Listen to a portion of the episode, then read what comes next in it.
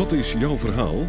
Dit is een podcast over dyslexie en aanverwante fenomenen zoals dyscalculie, ADHD, ADD, autisme en hoogbegaafdheid en over het conceptuele denken dat eigen is aan deze mensen.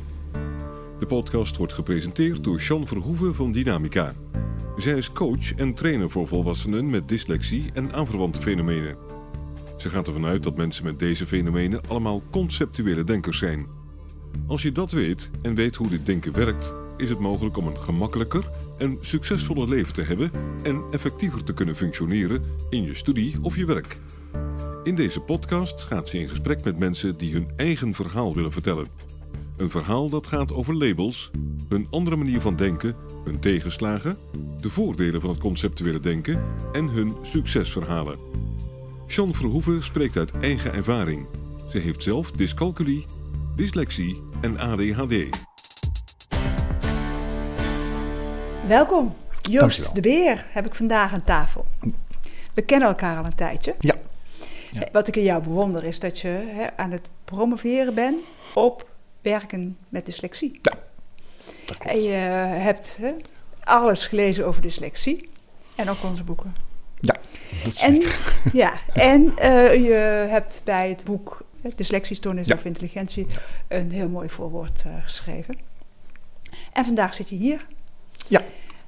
En eh, dan gaan we horen eh, waar je mee bezig bent. Dat is goed. Over het werkgeversland. Dat is goed. Ja? Dankjewel voor de uitnodiging. Ik vind het heel leuk om hier te zijn, eerlijk gezegd.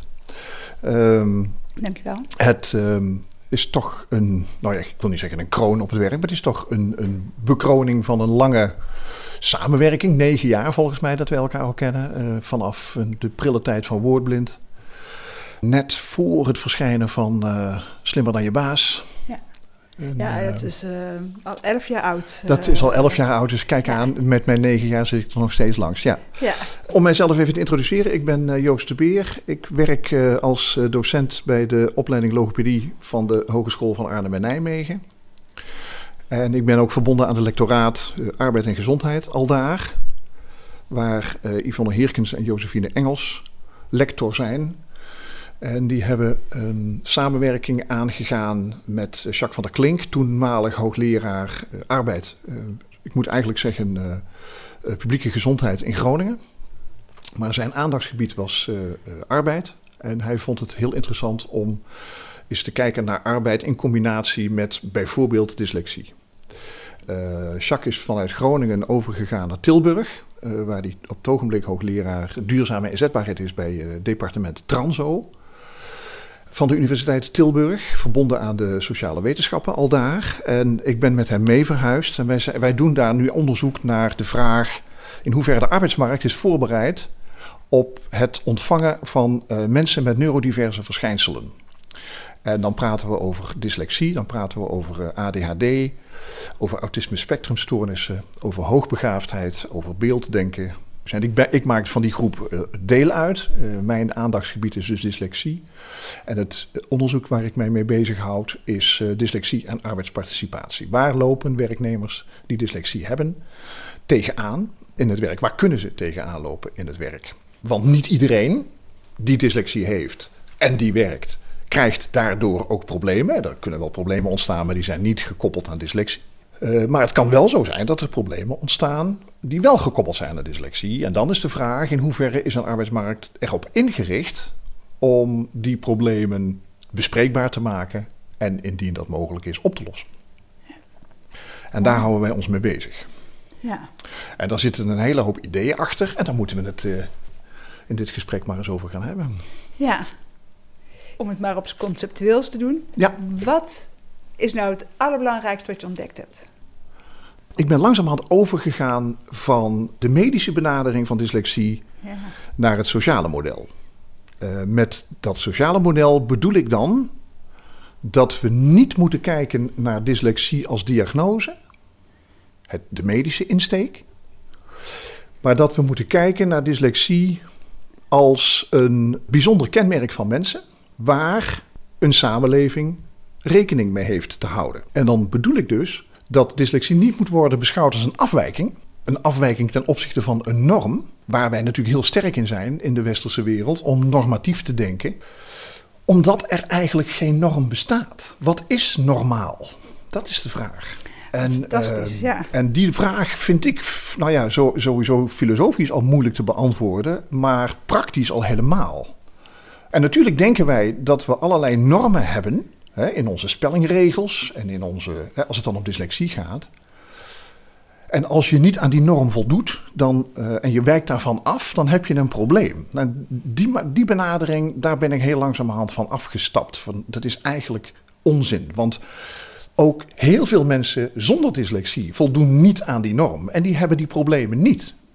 Dus op de eerste plaats is het, is natuurlijk al heel kortzichtig hoor, dat even tuss- tussendoor. eh, om, om dyslexie te, verengen tot spellingsproblematiek en leesproblematiek. Dat is het op volwassenen leeftijd al helemaal niet, al lang niet meer. Maar om het, om het als voorbeeld te geven. eh, dat, dat lezen en spellen, daar hebben we normen voor. En als je daar niet aan voldoet, dan heb je een probleem. En het niet voldoen aan een spellingsnorm, dat wordt al snel gekoppeld aan dyslexie. En als je dyslectisch bent, dan heb je dus een probleem. En daar moeten we iets aan doen. En dan denk ik, ja, maar al die andere mensen die ook niet voldoen aan die spellingsnorm. en die niet dyslectisch zijn, die hebben dat probleem niet. Waarom dan niet? Zij dan niet en de mensen met dyslexie dan wel. Dus misschien is het wel zo dat we het heel anders moeten gaan benaderen in termen van het is nu een gegeven dat in een samenleving de diversiteit onder mensen gigantisch is. Ja. Enorm is. Ja. Op welk vlak dan ook. Ja. Op politiek, op economisch, op emotioneel, op sociaal enzovoort. Als we nou eens leren om met die diversiteit rekening te houden en om als samenleving daar soepel mee om te gaan en soepel op in te spelen, dan heb je deze discussie helemaal niet meer. En dat wordt dan bedoeld met de sociale benadering van dyslexie. Dat het helemaal geen probleem is, dat het mensen zijn die anders zijn, maar die omdat ze anders zijn, niet minder zijn, niet problematisch zijn of wat dan ook. Ja. Dus ik wil af van dat negatieve stigma Ja. dat er zit op de term, op de diagnose dyslexie. En wat vooral ook door dat medische model heel sterk wordt beklemtoond. Het is wel leuk dat je dat medische en sociale model eh, gebruikt. Want daar praten we ook in de podcast met Nel Hofmeester en Marcenka Rolak komen daar ook op terug. Ja. Dus het is ook fijn dat er hè, gewoon van verschillende kanten Ja, toch roering is, Ja. reuring is, heet dat, dat die negatieve stempel wat je zegt eraf gaat. Want ik zie in de maatschappij is dat we als dyslecten niet die last hebben van dyslexie, Nee. maar van die negativiteit precies. die eraan eh, en die norm. Dus je kan het niet, dus je kan dat niet. Daar hebben we veel meer last en hinder en daar komt het gedoe vandaan, niet Ja. van die dyslexie zelf. Ja, precies. Ja. precies. Ja, fijn. En het is, ja, nou, en nog wel zeker voor mij als, als, als dyslect, hè, altijd fijn als mensen die, dat de mensen vanuit de wetenschap ook daarmee bezig zijn. En dat we niet alleen wij als dyslecten roepende in de woestijn zijn. Nee, nee. Ja, een andere vraag. Wat maakt nou dat jij als Joost de Beer je druk maakt om dyslexie? Toen ik toetrad tot het lectoraat Arbeid en Gezondheid, waar ik het net over had in de introductie van de Hogeschool van Arnhem en Nijmegen, toen deed ik dat vanuit, de, vanuit een paramedische opleiding. En ik had dus geen verstand van werk. En die paramedische opleiding was logopedie. Was logopedie, ja. En ik had dus geen verstand van werk. Ja, nee. En toen zeiden de lectoren, dan is het misschien wel handig als je een stage gaat lopen en dus gewoon mee gaat lopen met, met een bedrijfsarts, om eens te kijken tegen wat voor problemen in de eh, spreekkamer van de bedrijfsarts allemaal op tafel te liggen. Hoe groot is die diver- diversiteit enzovoort. En in die stageperiode, die toen een, eh, een half jaar duurde, een semester duurde, zo'n week of 18, toen, kwam ik, toen, zat ik in een spreekuur met die bedrijfsarts. En ehm, daar vond een gesprek plaats met een werknemer die eh, verzeild was geraakt in een arbeidsconflict. Dat was een behoorlijk groot arbeidsconflict. Dat, daar was ook, het zag er niet naar uit dat dat 1, 2, 3 opgelost zou kunnen worden. Dat dreigde zelfs ontslag. Mijn eh, aanwezigheid bestond uit luisteren. Ik heb dus niet actief aan dat gesprek deelgenomen. Maar na afloop vroeg die bedrijfsarts: wat, was jouw, wat is jouw indruk nou? Ik zeg: Nou, ehm, A, het is een bijzonder ernstig probleem. Maar B, ik denk dat hier iets aan de hand is van dyslexie. Of in ieder geval van problemen in de communicatie met de omgeving van die werknemer. En toen zei die bedrijfsarts, dyslexie, heeft, kan dat dit soort gevolgen hebben? Ik zei, dat weet ik niet. Maar ik kan mij voorstellen dat dat dit soort consequenties zou kunnen hebben. Ja. En toen is het aan het rollen gekomen. Toen dacht ik, Het kan toch niet waar zijn, want het, ik praat nu over twaalf jaar geleden, dat we in het begin van de 21ste eeuw uh, dit soort problemen nog steeds niet echt goed zien. Ja. En als dyslexie tot dit soort zware consequenties leidt, dan moeten wij, denk ik, daar in ieder geval op bedacht zijn. En dan moeten we eens gaan kijken of dat ook inderdaad zo is. Of dat tot dit soort consequenties kan leiden. Ja. En daar is het begonnen. Ja. Toen ben ik teruggegaan naar de lectoren en heb ik gezegd van daar zou ik wel eens nader onderzoek naar willen doen. Maar mijn drive komt voort uit een sociaal gevoel van eerlijkheid. Van hoe is het mogelijk Ja. dat mensen omwille van een stoornis, wat dan een stoornis genoemd wordt, waar ik het dus inmiddels al lang niet meer mee eens ben, maar dat mensen omwille van een stoornis in dit soort enorme problemen geraken. Nou ja, dat is werk. Jij hebt het zelf in jouw dagelijkse werk hier eh, bij Dynamica ook vaak over relaties en dyslexie. En dat dat ook een negatieve invloed kan hebben op enzovoort. Met andere woorden, er zijn nogal wat levensdomeinen waarop die dyslexie van invloed is. Ja. En als we in dat medische model blijven denken, dan, dan kwalificeren we die invloed als negatief. Terwijl ik denk, eh, als we nou eens uit dat medische model stappen. En als we nu eens op een andere manier tegen dyslexie aankijken. Ook als een bron van sterkte, als een bron van kracht, Ja. als een bron van Ja. inspiratie ook, van creativiteit van, enzovoort. Dan, kunnen we, dan wegen die problemen daar al lang niet zo heel erg meer tegen op. Dan heb je een hele goede compensatie. En dan zou je via dat kanaal, via dat positieve kanaal, kunnen proberen om sterkten van mensen naar boven te halen. En ten dienste te maken van de organisatie waarin zo iemand werkt. En dat is een heel lang antwoord op jouw hele korte vraag. Ja. Zo is het ontstaan. Ja. En het, heeft een, het is een sociale gedrevenheid. Ehm, ik vind ook, en dat is een ander idee waar ik straks op doelde bij de inleiding, hè, ehm, dat achter het project zit waar ik mee bezig ben. eh, dat is het idee van inclusiviteit. Ik vind dat als je uitgaat van een enorme diversiteit van mensen die gezamenlijk een samenleving uitmaken, dan denk ik dat, je er, dat, je het, dat het een plicht is om ervoor te zorgen dat iedereen die met die diversiteit functioneert in die samenleving ook te kunnen laten functioneren in die samenleving. In te sluiten in die samenleving en randvoorwaarden te creëren waardoor dat, dat participeren in die samenleving mogelijk wordt. En als je iemand met dyslexie op grond van wat voor verschijnselen dan ook moeite met lezen, moeite met onthouden, moeite met plannen, eh, met organiseren enzovoort in een, organisa- in een arbeidsorganisatie uitsluit, dan ben je niet met inclusiviteit bezig. Nee, nee, nee, helemaal mee eens. Helemaal mee eens. Leg het probleem niet bij degene die dyslexie heeft. Althans niet uitsluitend. Nee, nee, nee. Het is een samenwerking van. Ja. En, maar ik vind wel, kijk, eh, dat gaat altijd als we het hebben over minderheden, want we zijn hè, als dyslectici toch minderheden. Mhm. Je moet, we moeten ons laten horen, we moeten ons laten zien Absoluut. hoe het werkt. En we hebben die eigen verantwoordelijkheid. En je kan het ook niet allemaal bij de werkgever neerleggen. Dus het is altijd, hè, ik zeg altijd 50% voor jou, 50% van die ander. Klopt. En dat voor jou kan je wat aan doen en dan hoop je Maar dat die de werkgever ander, kan er eh, ook wat aan doen. Ja, nou, wat... Nou ja, eh, kijk, eh, je hebt het net over communicatie. En daar hadden we het al over naar aanleiding van het voorbeeld dat ik gaf. En wat, wat voor mij de aanleiding is geweest om met dit project te starten. Wat je heel vaak ziet is dat communicatie in bedrijven mondeling gegeven wordt door leidinggevenden. Of dat, dat instructies in bedrijven mondeling gegeven worden. Van doe even dit, doe even dat, Ja. je moet zus en je moet zo. Terwijl we weten dat informatie die mondeling wordt overgedragen, en zeker in een hoog tempo, wat in arbeidsomstandigheden toch vaak het geval is, dat, het in, dat, het, dat er een zeker tempo achter zit. We weten ook dat die informatie door iemand met dyslexie slecht of moeilijk wordt bewaard, moeilijk wordt onthouden. Laat staan dat die gereproduceerd wordt om vervolgens toe te passen. Dat is een heel klein voorbeeldje van waar de oplossing kan zitten. Ja. Dat kan vaak in dit soort hele kleine dingetjes zitten. Dat iemand met dyslexie vraagt: luister, als je mij instructies moet geven, als ik dingen moet doen, geef ze me dan op papier. Het liefst ook nog met een dyslexievriendelijk lettertype.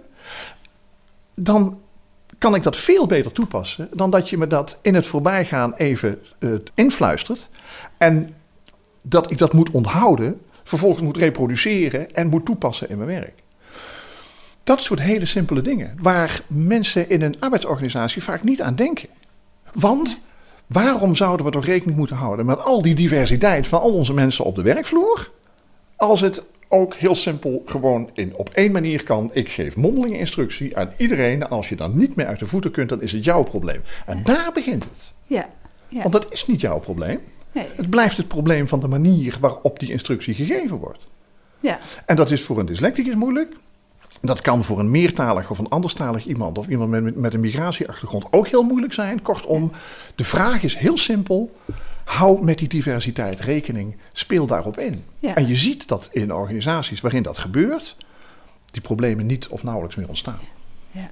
In hoeverre heb je vanuit jouw hè, onderzoek die verschillen in bedrijven gezien?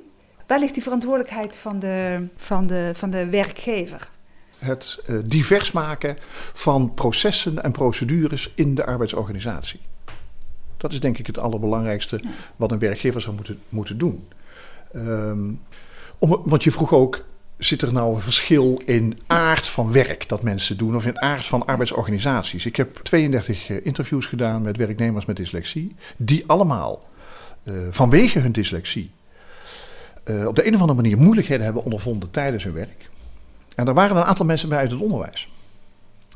En wat je dan niet zou verwachten, dat is heel simpel, dat een werkgever zegt: ondersteunende software die installeren we hier niet op het internet, want dan komen ze voor iedereen beschikbaar en dat is niet de bedoeling.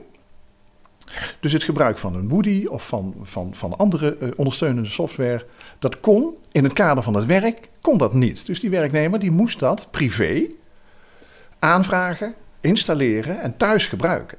Ja. Hetgeen dus betekent dat hij werk mee naar huis nam, enzovoort, enzovoort, naar de randen van de dag, of s morgens heel vroeg of s avonds heel laat, met de uh, stresserende gevolgen daarvan.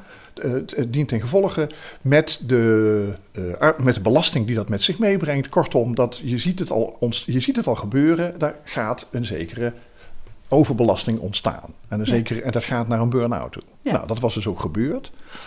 En dan denk ik, ja, maar ook hier ligt de oplossing op een heel simpel vlak. Zorg er nou voor dat, dat je infrastructuur op het werk zodanig is dat je voor een aantal mensen gewoon ondersteunende software kunt installeren, die ze tijdens dat werk kunnen gebruiken, eh, waardoor ze veel beter functioneren, maar ook een veel, veel meer arbeidsvreugde halen uit hetgeen ze doen. Ik denk dat die werkgever, nou ja, wat je ook zegt, een behoorlijke verantwoordelijkheid heeft hier, maar en dat hebben we vorig jaar gedaan in, uh, in, in Nijmegen. Met een, ik heb met, met studenten een project gedaan. Waarin we eens gekeken hebben naar de vraag: hoe denken werkgevers nou eigenlijk over dyslexie? Wat zijn hun beelden? Wat ja. zijn hun, hun associaties bij dyslexie? En dat hebben we gedaan in de vorm van een, van een, van een 50 tot 60 tal stellingen. Die we hebben voorgelegd aan werkgevers. En dat waren stellingen met dyslexie komt meer voor bij meisjes dan bij jongens. Waar of niet waar. Of ik weet het niet. Of uh, werknemers met dyslexie hebben heel erg veel moeite om gelezen informatie op te slaan in hun geheugen. Waar of niet waar, enzovoort. En we hebben geprobeerd om iedere stelling die we in die stellingenlijst hebben opgenomen, en die overigens ontleend was aan een Engelstalig onderzoek. En we hebben geprobeerd om alle stellingen die we in die lijst hebben opgenomen, om die te onderbouwen met, met literatuur. Dus vanuit uh, studies die naar dat aspect waren gedaan. Bijvoorbeeld over korte termijn geheugen, enzovoort, enzovoort.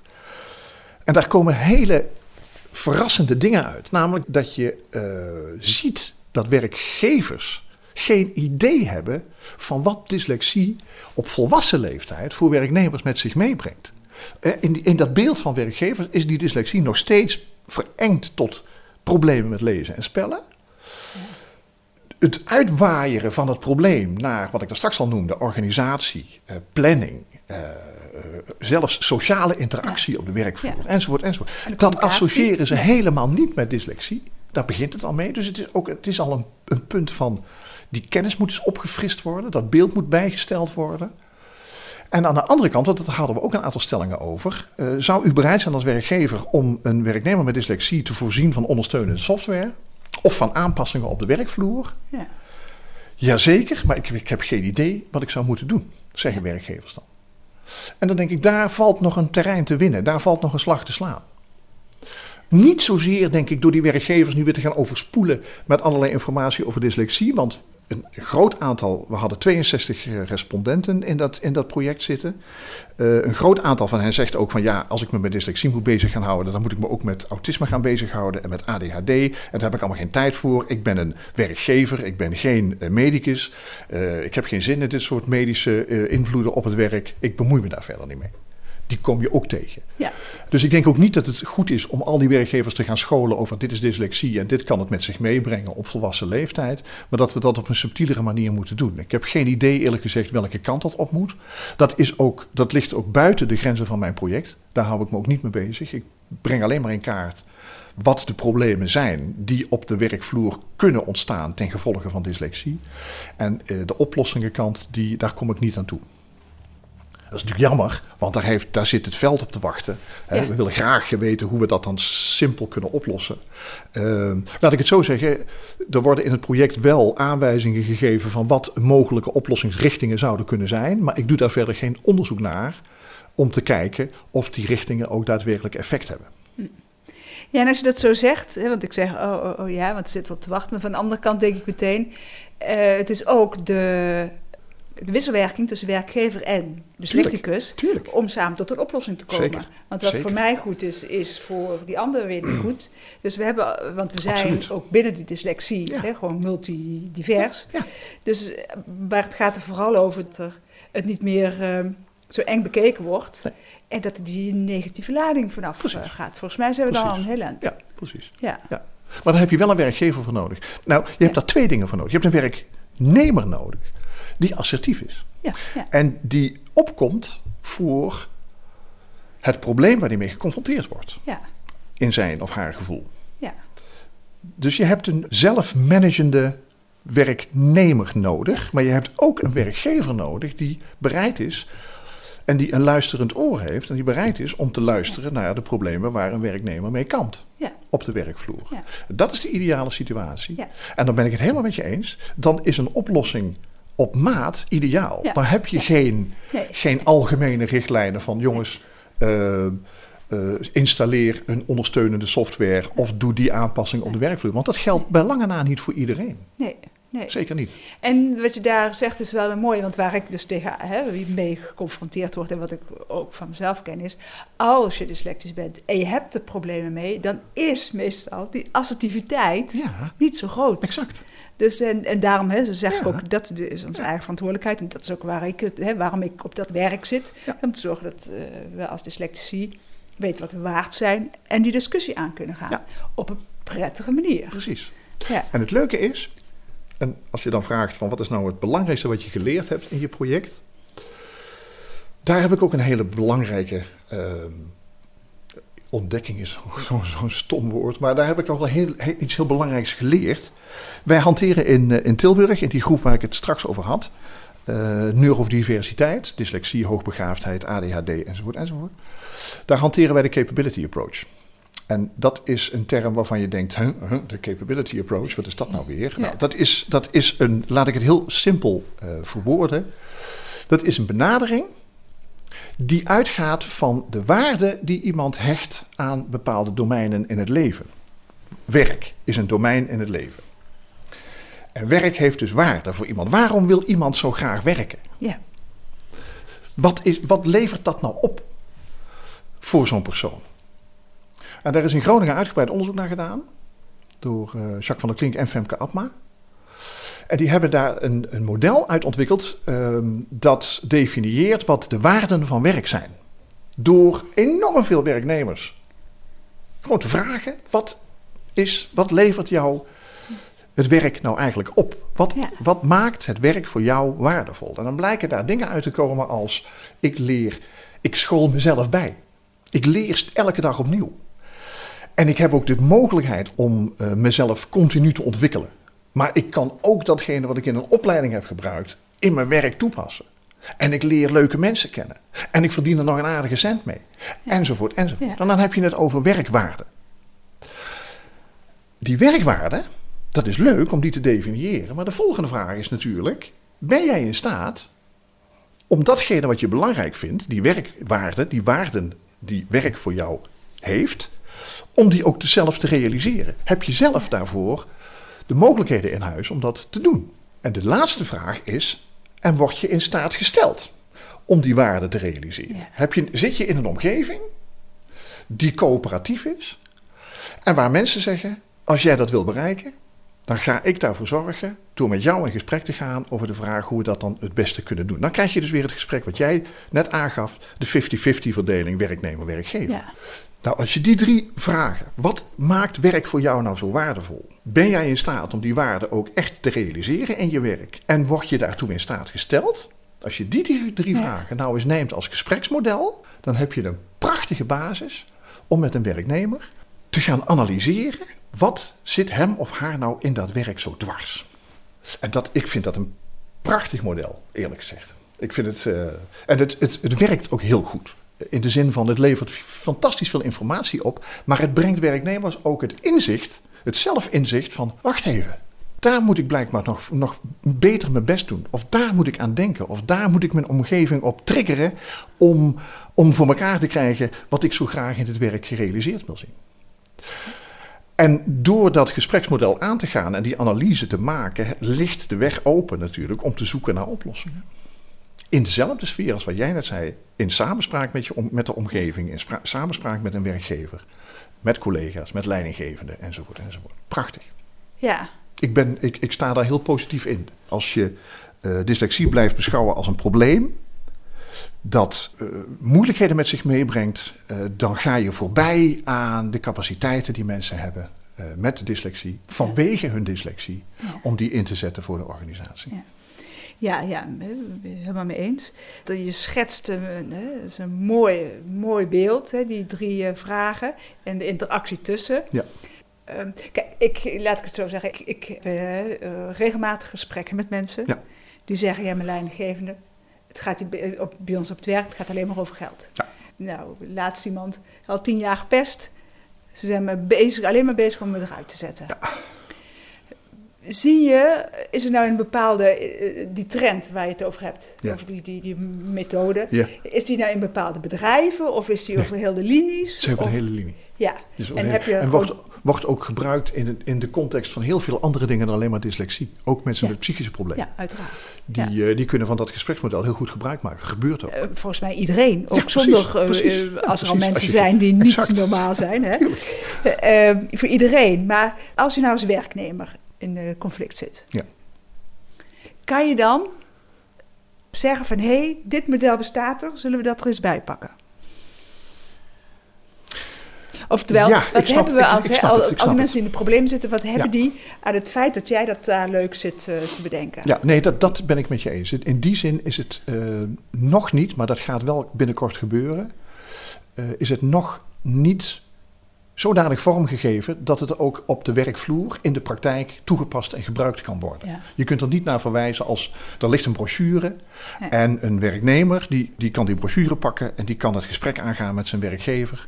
Eh, of omgekeerd, een werkgever kan die brochure pakken en in een gesprek gaan met zijn werknemer om de problemen te bespreken. Zo, zover is het nog niet gevorderd, maar daar zit het wel dicht tegenaan, Ja. moet ik eerlijk zeggen.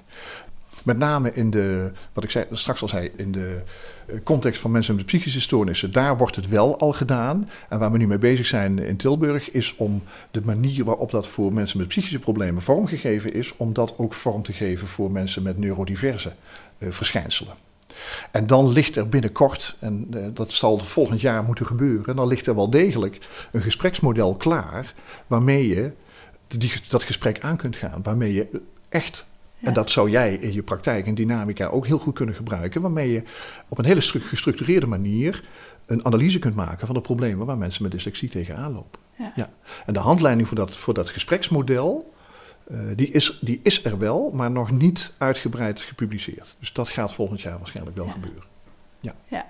En dat En vind ik een van de mooie dan hebben we het opbrengsten. over 2020. Hebben we het over waarschijnlijk. 2020? Ja, Ja. hebben we het over 2020.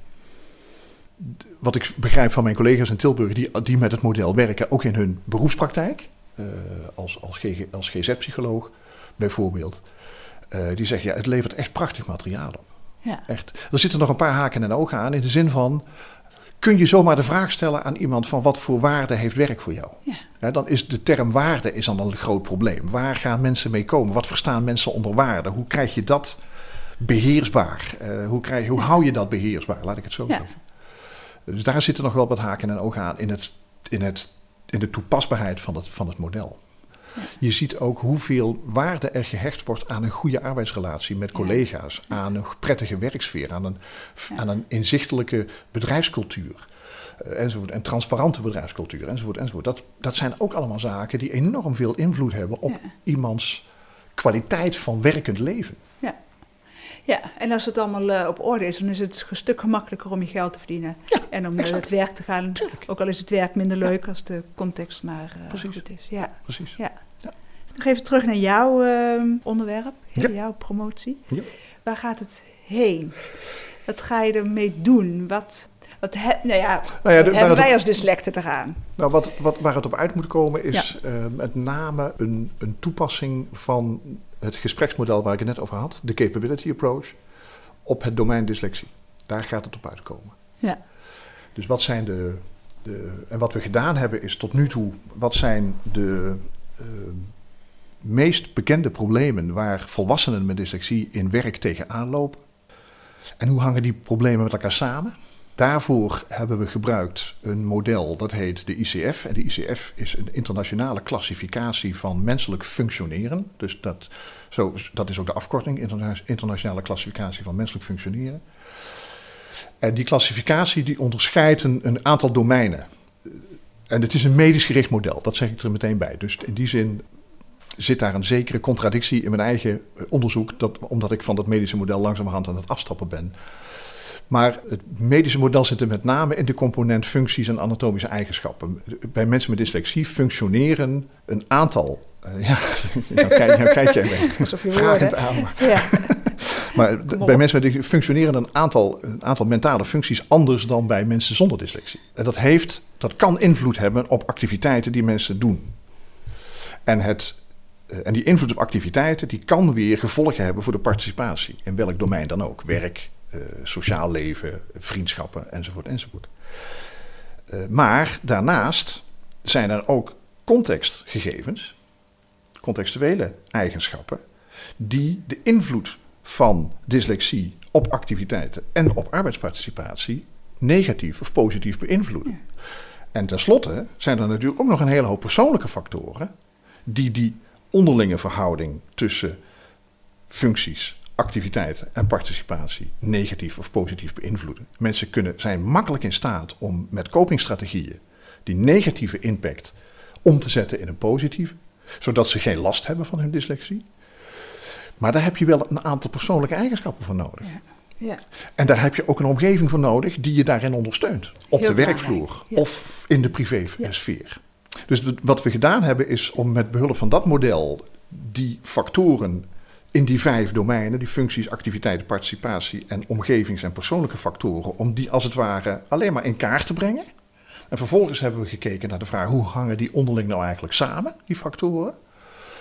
En dan blijken er toch een aantal dingen uit te komen die heel sterk gerelateerd zijn aan de omgeving en aan de persoonlijke factoren. Het maakt nogal wat ja. uit wat voor mens je bent, hoeveel impact dyslexie heeft op jouw functioneren. En het maakt ook nogal wat uit in wat voor omgeving je functioneert. Of je ouders hebt die er, die er begrip voor hebben, of die het ontkennen, of je er in je schooltijd leerkrachten hebt gehad die daar oog voor hadden, of die je alleen maar van luiheid hebben beticht, enzovoort, enzovoort. Dat maakt enorm veel uit, dat soort omgevingsfactoren, in de manier waarop je ja. dyslexie ervaart ja. in je werkzame leven.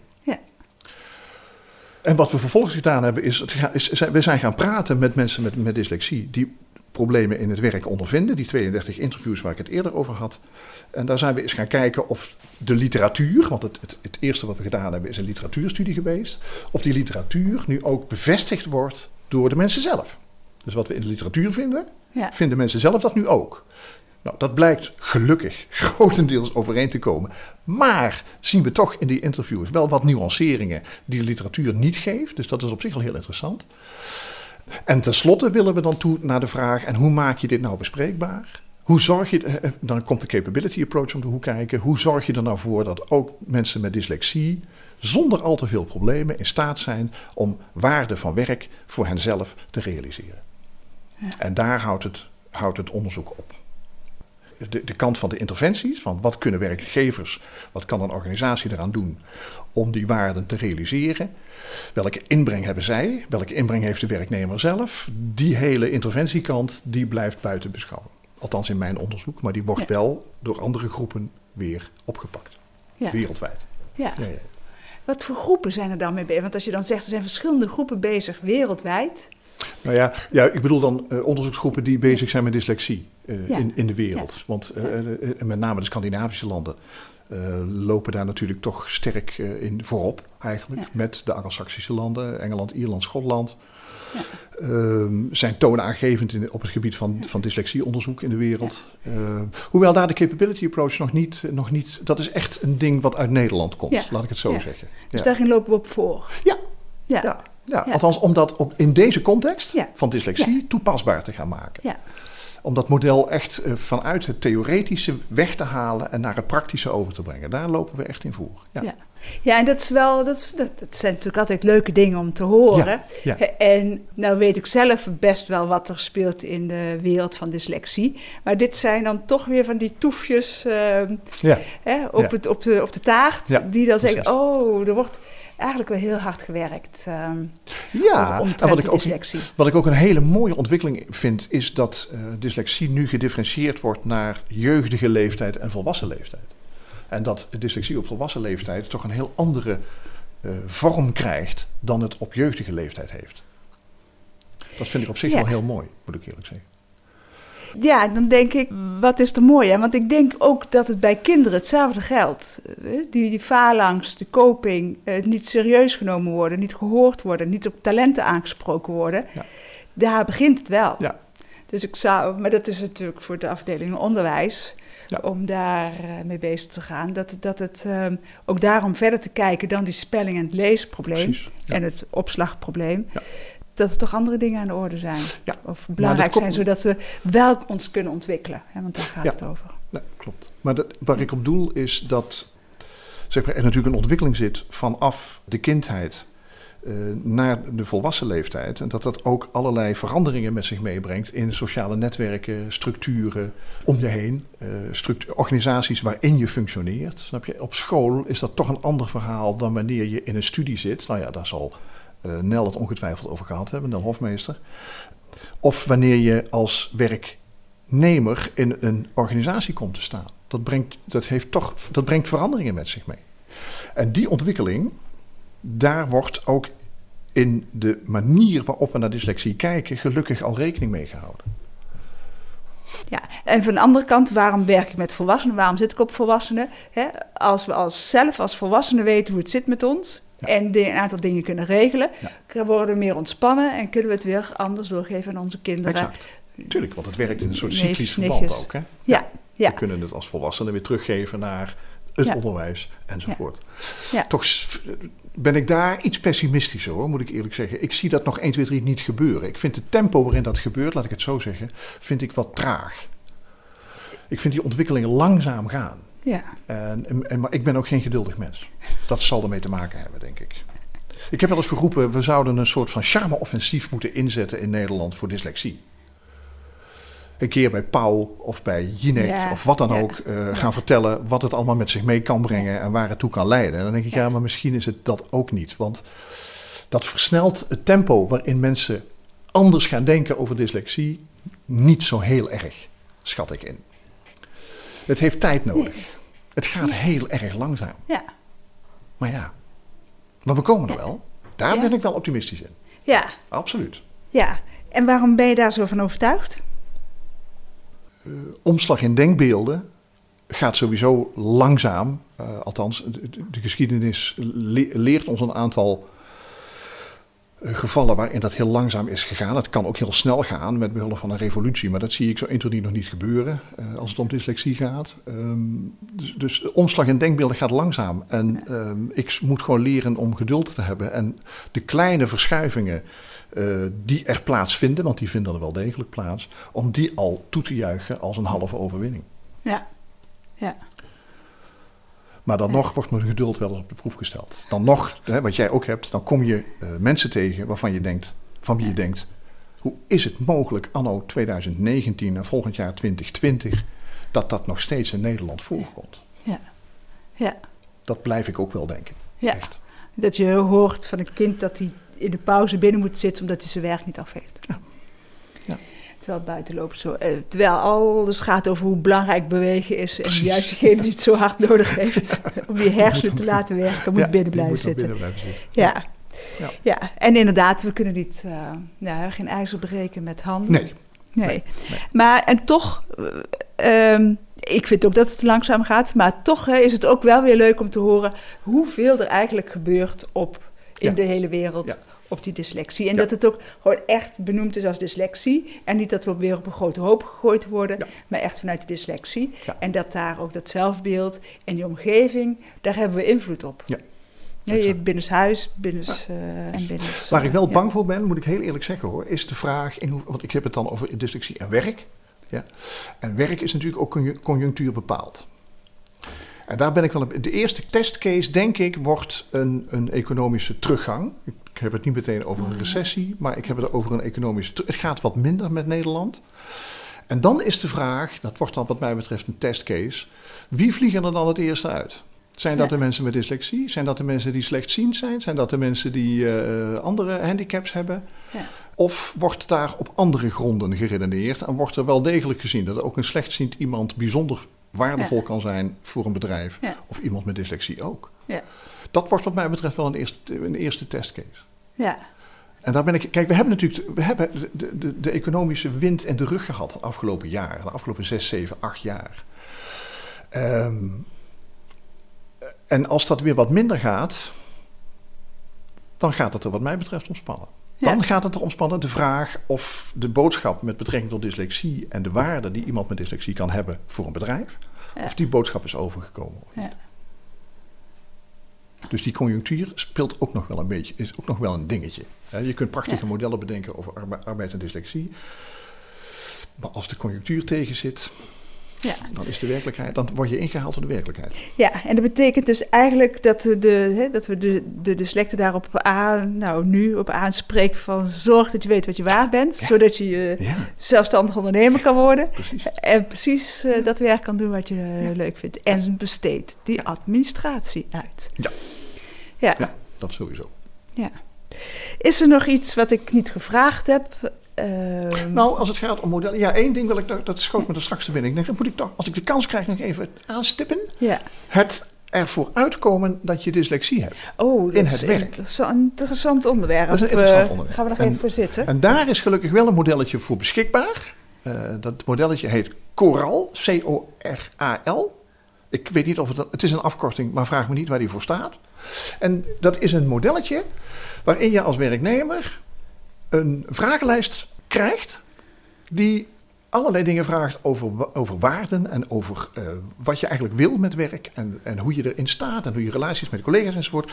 En die bij al die vragen de afweging maakt... is het nou voor jou verstandig om het wel of niet te doen? Oh ja, oh gelukkig, dat zit erin. Het is niet, want ik dacht even dat je ging zeggen dat we er allemaal vooruit moeten komen. Nee, nee, maar- nee, nee, nee, nee, nee, nee, nee, nee, oh, absoluut niet. Die keuze ligt bij de werknemer. Ja, En er is een, het is een afwegingslijst Oh. en die is te vinden op de websites samensterkzonderstigma.nl. oh, die kennen we. En eh, daar is dat modelletje te downloaden. En het is een heel simpel modelletje met hele mooie, concrete vragen. Ja, Coral. ja. ja, want dat is een hele goeie. Want daar hoor je zo vaak, ja, je moet het gewoon zeggen. Ja. En dan zeg ik, nou, ho eens even. Precies. Eh, je gaat ook niet tegen iedereen zeggen dat je een zere rug hebt. Of dat je... Nee, eh, of dat je een psychisch probleem hebt. Ja, Want je... het is ook weer een modelletje dat ja. eigenlijk ontstaan is door, voor, voor mensen die twijfelen. Moet ik nou zeggen dat ik een beetje depressief ben? Want als ik depressief ben, dan leg ik als eerste uit bij een recessie. Snap je? Ja, En dat geldt natuurlijk voor dyslexie ook. ja. En eh, althans, het heeft vergelijkbare eh, kenmerken in, in zo'n proces. En daarom is dat model ook voor deze doelgroep heel goed toepasbaar. Ja. Joost, hartelijk bedankt. Dankjewel, Jan, voor de gelegenheid om eh, deze informatie met jou te mogen delen. En met hopelijk veel luisteraars. En Ja. ik wens jou natuurlijk ook alle succes toe met je werk en met Dynamica. Dankjewel. Wil je reageren op deze podcast of heb je vragen? Stuur dan een mail naar podcast.dynamica.nl. De reacties zullen worden meegenomen in volgende podcasts. John Verhoeven geeft coaching, workshops en trainingen. Wil je meer informatie? Kijk dan op www.werkendyslexie.nl of www.geniaaloprechts.nl of bel 020 639 1099 020 639 1099. Jean Verhoeven heeft twee boeken geschreven over dyslexie: Slimmer dan je baas en Dyslexie, Stoornis of Intelligentie. Deze boeken zijn te koop in elke boekhandel. Stuur de podcast door naar iedereen waarvan je vindt dat ze meer zouden moeten weten over dyslexie, ADHD, ADD, dyslexie, dyscalculie, autisme en hoogbegaafdheid en het conceptuele denken. Deze podcast is gemaakt in samenwerking met Marcel de Hoog van Storytelling Media. Hij verzorgt de technische, redactionele en morele ondersteuning. Tot de volgende aflevering.